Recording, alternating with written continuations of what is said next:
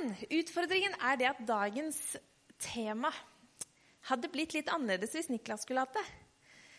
Vi, skal, vi er jo en serie ut fra ordspråkene, og vi skal ha om kvinnelig herlighet. Um, så jeg følte kanskje at det falt litt lettere til meg enn til Niklas. Men på torsdag så hadde jeg en ganske ny opplevelse. Um, jeg hadde kjørt rundt i vår bil ganske lenge, over en lengre periode. Niklas òg. Og den hadde fått liksom gått inn i en litt ny drakt, hvis jeg kan si det sånn. Eh, den var blitt litt sånn grå utvendig. Jevnt grå, så den så egentlig bare litt sånn, litt sånn generelt falma ut. Inni så var det godt med støv, og, den, og så hadde den litt sånn kvitteringer på gulvet og et par tomflasker i bagasjen. og Jeg vet ikke om dette er kjent, men hos oss så skjer det. Men på torsdag så gjorde jeg noe nytt. Eh, jeg hadde fått anbefalt av en venninne at på Strandtorget der kunne man levere bilen og så få den tilbake igjen i en ny tilstand. Eh, hun er i samme situasjon som oss, små barn og lite tid. Så jeg tenkte hm, det er verdt et forsøk før barnevelsignelsen. Så jeg leverte den, og han mannen sa at ja, eh, du må være halv seks. Og jeg kom dit halv seks, og da kommer det en heller svett mann ut fra bilen og sier bare Å, den bilen var veldig møkkete. Jeg trenger ti minutter til. Så jeg bare, ja, det, det, går fint. Jeg vet den var møkkete. Det var derfor jeg kom. Eh, så jeg går, kommer tilbake igjen henter bilen og setter meg inn. Og den er blitt ny. Jeg ante ikke at vårt dashbord var så pent. Jeg visste ikke at det skulle være svart imellom på den konsollen her. Det var helt fantastisk. Og de mattene nede, de var ikke slitt. De var bare veldig møkkete. Det var helt nydelig. Og jeg kunne faktisk se ordentlig ut av den frontruta. Jeg trengte egentlig nesten solbriller, for det kom mye lys, altså. Og jeg tenkte bare wow, den er jo blitt helt ny. Så klart, nå når jeg vet hvordan den kan være, så frister det jo med en litt tettere oppfølging av bilen. Det skal sies. Men den kjøreturen fikk meg egentlig til å tenke på noe på vei hjem. Fordi sånn kan det kanskje være litt med oss også, eller i hvert fall med meg. For det legger seg litt og litt og litt støv. Det er ikke sånn at det kommer over natta. Det er ikke sånn at jeg nå tar støvsugerposen ut i bilen og rister den godt. Og der var vi tilbake igjen, liksom. Det går jo litt og litt. Litt og litt støv, og så er det litt grus som blir med inn hver gang jeg bruker bilen. Så blir det litt og litt og litt. Og til slutt så er den da blitt i en sånn jevn, falma gråfarge, både utvendig og innvendig. Men det skjer jo ikke på, over natta. Det går litt og litt sakte. Og sånn er det kanskje litt med oss også. At vi tillater litt og litt og litt små usannheter til å få feste seg inni oss. Og hvem vi er, og hvem vi er ment å være. Det går jo ikke på 1, 2, 3, men det går sakte, men sikkert. Så blir vi kanskje litt sånn falma. Vi får kanskje en litt annen opplevelse og tro på hvem vi egentlig er. Men da skal jeg fortelle dere en ting, for det er ikke ment at det skal være sånn. Det er ikke ment at vi skal få lov til å falme sakte, men sikkert og tro på de usannhetene litt etter litt. Vi er ment til å se helt nye ut. Til å ha et fresh dashbord, en helt svart konsoll i midten og helt nye, fine gulvmatter. Det er sånn vi er ment at det skal være. Og som jeg starta med, så er vi da inne i en serie i ordspråkene. Vi har da holdt på et par uker. Og for dere som ikke har vært her, så en liten oppsummering på ordspråkene. Eh, så er det på mange måter en litt annerledes bok. Det er en bok som ikke har mange lange utgreininger med historier og forklaringer, men det er egentlig en bok med masse gode, korte visdomsord og små tips til hvordan Gud inviterer oss til å leve et godt liv med Han. Så det er ikke en moraliserende bok som kommer med lover og regler som sier at hvordan vi skal leve. Men det er tips til hvordan han sier at sånn kan du få lov til å ha det. Sånn ønsker jeg at du skal ha det. Det er hva ordspråkene er. Og det er viktig at vi har i bakhodet når vi leser i ordspråkene, og også når vi går gjennom preken i dag. For det er ikke ment at vi skal gjøre det sånn, eller at vi må gjøre det sånn, men det er en invitasjon til at vi kan få lov til å ha det sånn.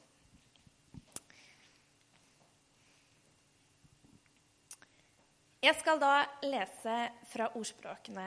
Um, og jeg skal da lese fra kapittel 31. Der står det om den dyktige kone. Det som er litt fascinerende, er at I vårt samfunn i dag så er det jo ganske mye fokus enten vi vil eller ei, på hvilke former du skal ha, og hvilke former du ikke bør ha. Hvor du bør bule, og hvor det ikke skal bule ut. Eh, at du bør ha hår. Andre steder skal man ikke ha hår. Det er ganske mye fokus på hvordan vi bør se ut. Men i dette kapitlet så er det ikke nevnt en eneste gang, ikke med en liten undertekst eller en bisetning, om det ytre.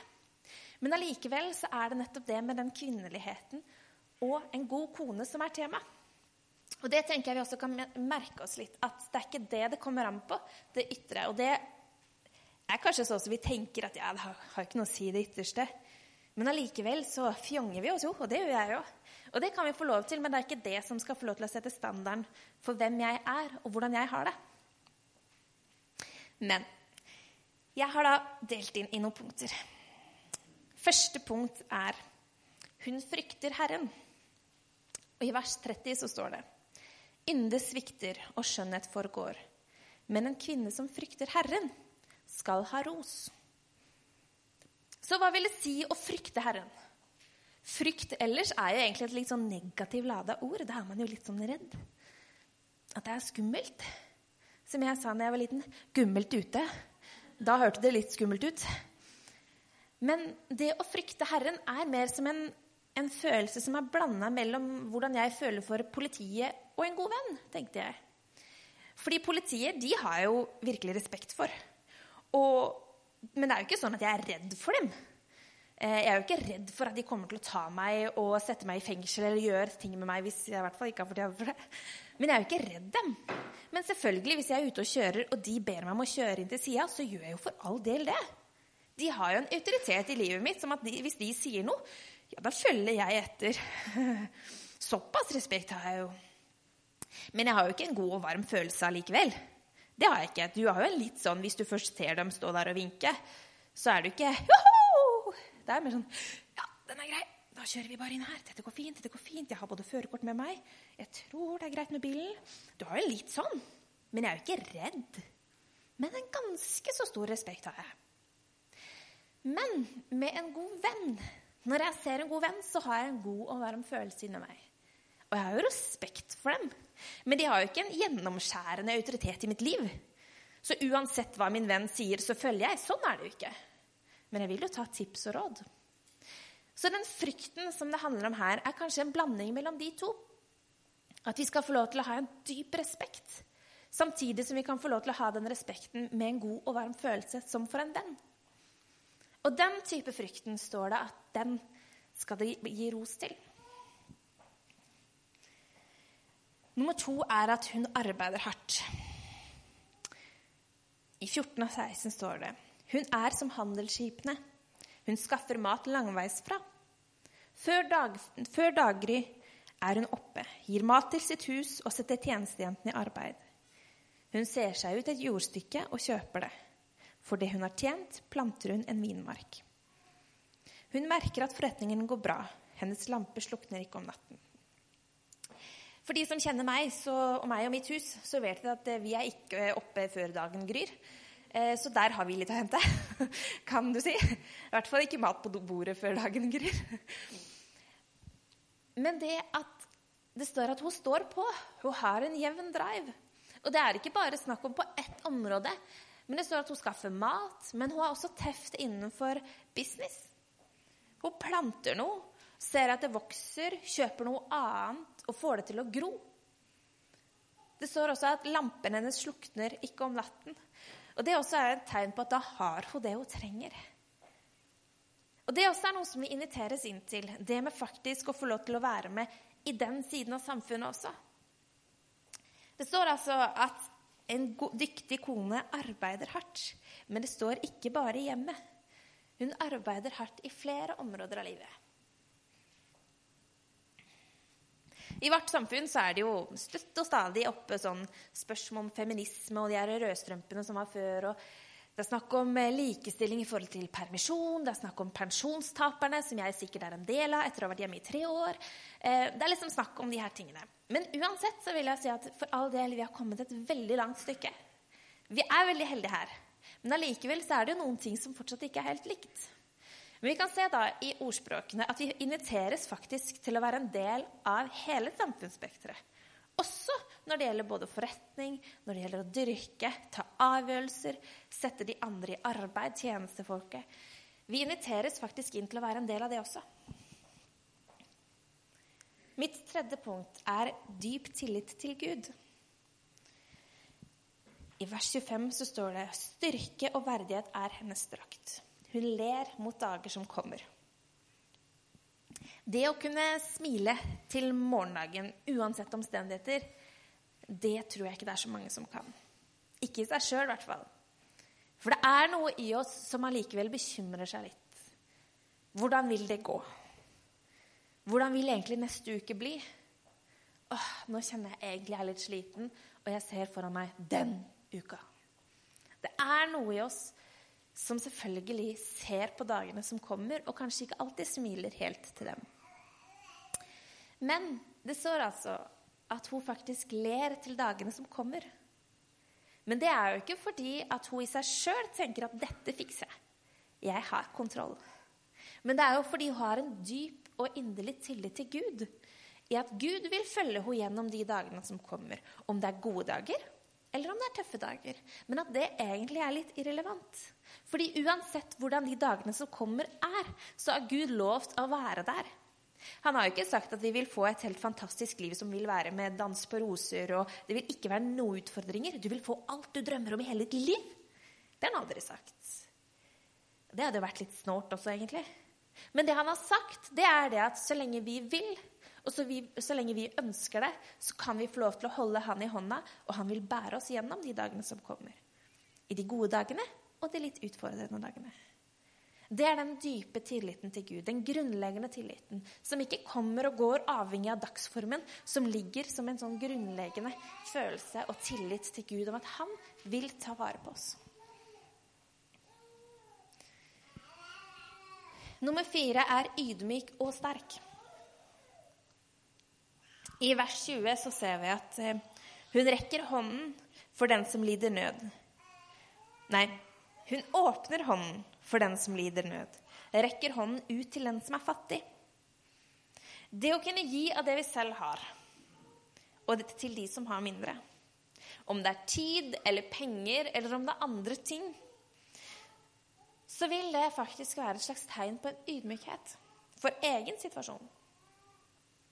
Vi kan også lese i ordspråkene 1917, så står det Den som hjelper den fattige, låner til Herren, som vil lønne ham for det han har gjort.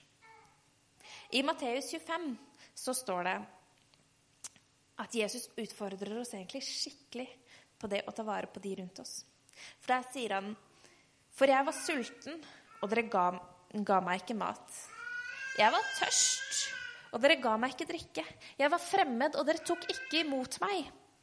Jeg var naken, og dere kledde meg ikke. Jeg var syk og i fengsel, men dere så ikke til meg. Da svarte de, Herre, når så vi deg sulten eller tørst eller fremmed eller naken eller syk eller i fengsel uten å komme til deg? Da skal han svare dem, sannelig, jeg sier dere, det dere ikke, gjort, ikke gjorde mot en av de, disse minste, det har dere heller ikke gjort mot meg. Og på mange måter så er det jo litt sånn allment det her med å hjelpe, føler jeg. Det er sånn eh, Send 2424. 24, hjelp flomofrene. Ha to-tre fadderbarn, eller kjøp en geit. Så har man liksom Ja, da hjelper man. Og det er kjempefint.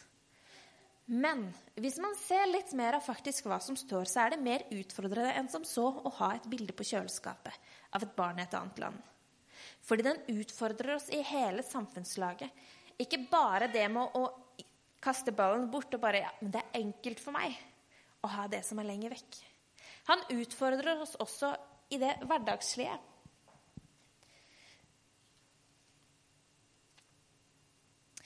Fordi en fattig fattigdom er ikke nødvendigvis bare i form av mat eller penger. De aller fleste, ikke alle, men de aller fleste i vårt land er såpass heldige at de har både mat og de har et tak over hodet. De har gjerne klær og de liksom mest basic behova. Men allikevel så kan fattigdom være sterkt utbredt. For kan fattig, man kan være fattig på sosial kontakt. Man kan trenge hjelp fordi man er syk. Eller man rett og slett trenger noen som ser en og sitter ned og holder dem i hånda. Det er også en form for fattigdom. Og den type fattigdommen utfordrer vi også på. Fordi at vi utfordres nettopp på å se de som er rundt oss, og hvilke behov de faktisk har. Og det er fint, det, altså, med å ha en geit i et annet land eller kjøpe et stykke jord, for det også er en veldig god måte å hjelpe på. Men allikevel så tenker jeg at vi må ikke tenke at vi kan fraskrive oss ansvar i forhold til de rundt oss ved at vi gjør noe som ikke faktisk utfordrer oss, og det koster oss noe. For strengt talt så koster det ikke oss så mye om vi så betaler 200 kroner i måneden for å hjelpe noen. Men det kan være at det koster deg mye, mye mer å faktisk skulle ha sett av tid til noen som faktisk trenger deg. Men den er litt vanskeligere. Men vi blir faktisk utfordra på det. Og det står at det virkelig blir oppløfta.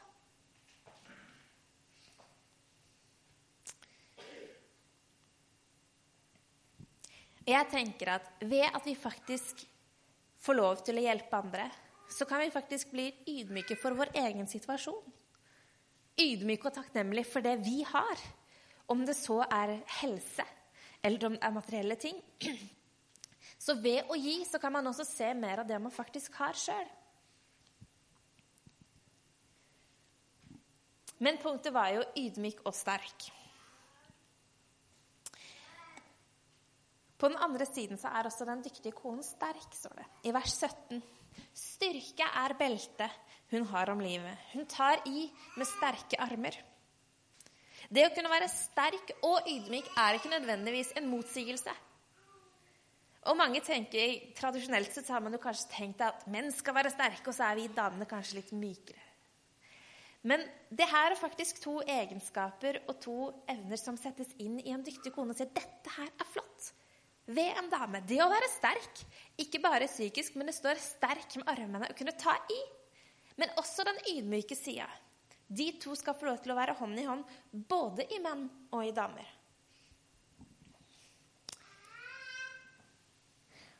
Det siste punktet det er uvurderlig for familien. Én ting er at vi trengs jo for å kunne skape en familie. Der trengs jo både menn og kvinner. Men det står også det at i vers 28 og 29 så står det Barna står frem og priser henne lykkelig. Mannen gir henne ros. Mange kvinner har vist, seg, vist at de er dyktige, men du overgår dem alle, står det. Um, jeg vil tro, eller jeg har hørt rykter om at den her med at barna priser foreldrene sine, går over. Enn så lenge så får jeg lov til å være den store helten til Nikoline. Det er veldig stas. Men det står altså at vi har en veldig, veldig viktig plass i familien.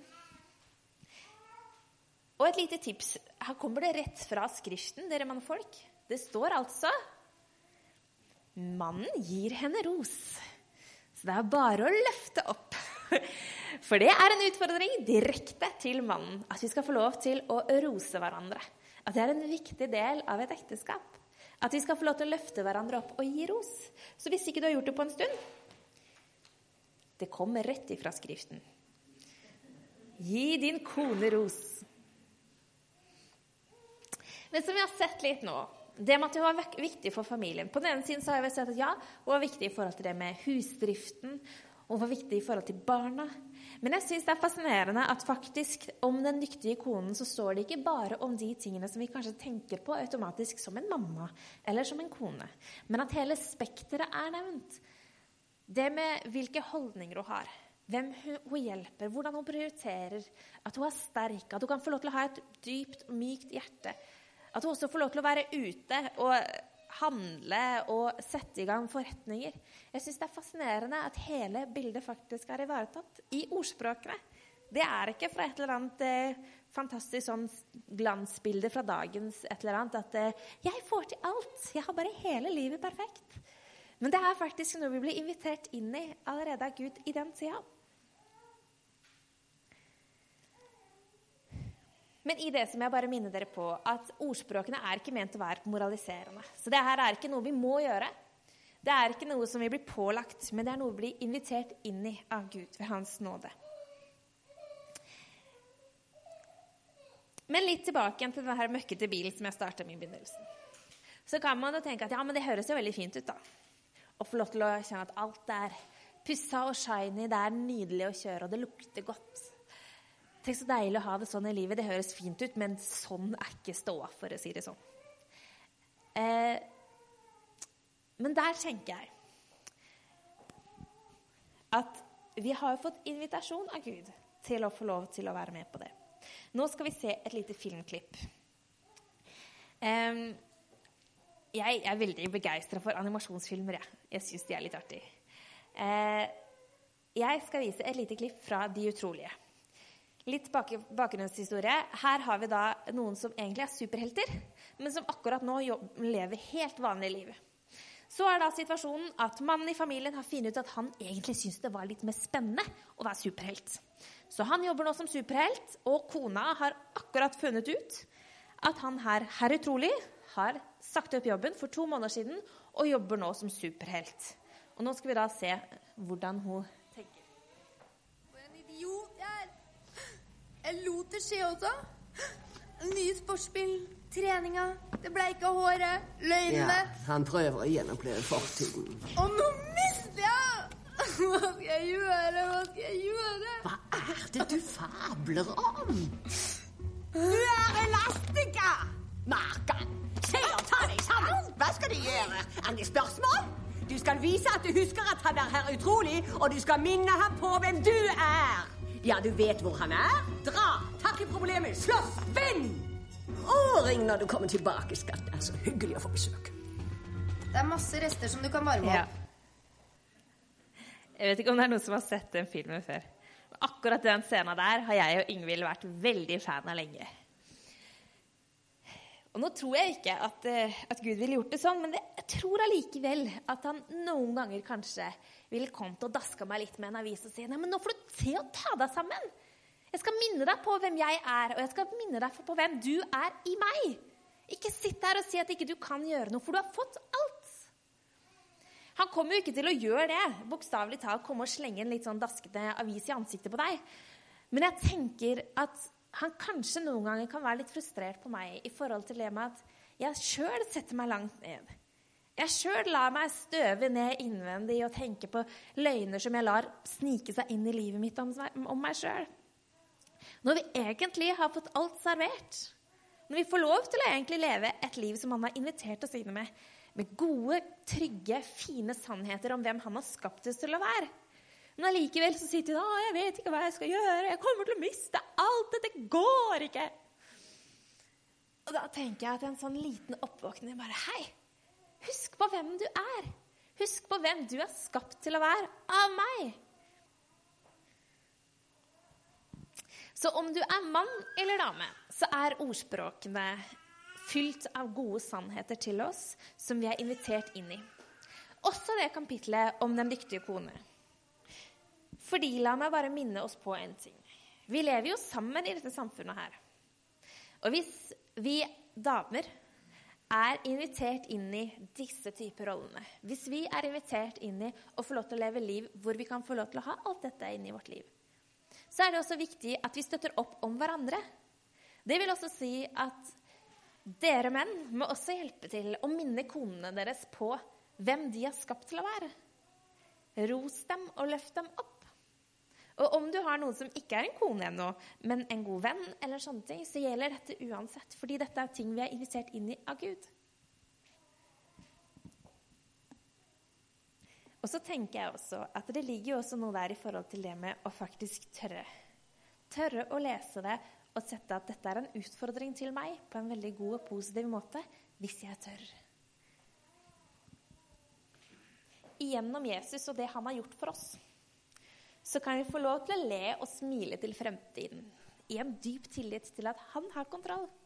Han holder oss, og han vil følge oss gjennom de dagene som kommer. Og det er gjennom han vi kan få lov til å se at vi har en nydelig fremtidsvisjon sammen med han. Nå vil jeg be litt på slutten. Far, jeg takker deg for at du har skapt oss. Takk for at du har skapt oss forskjellig, men i ditt bilde. Jeg ber om at du skal hjelpe oss til å minne oss på hvem vi er, og hvem som har skapt oss, og til hvilken hensikt, Gud. Jeg ber om at du skal trygge oss i troen på deg. Amen.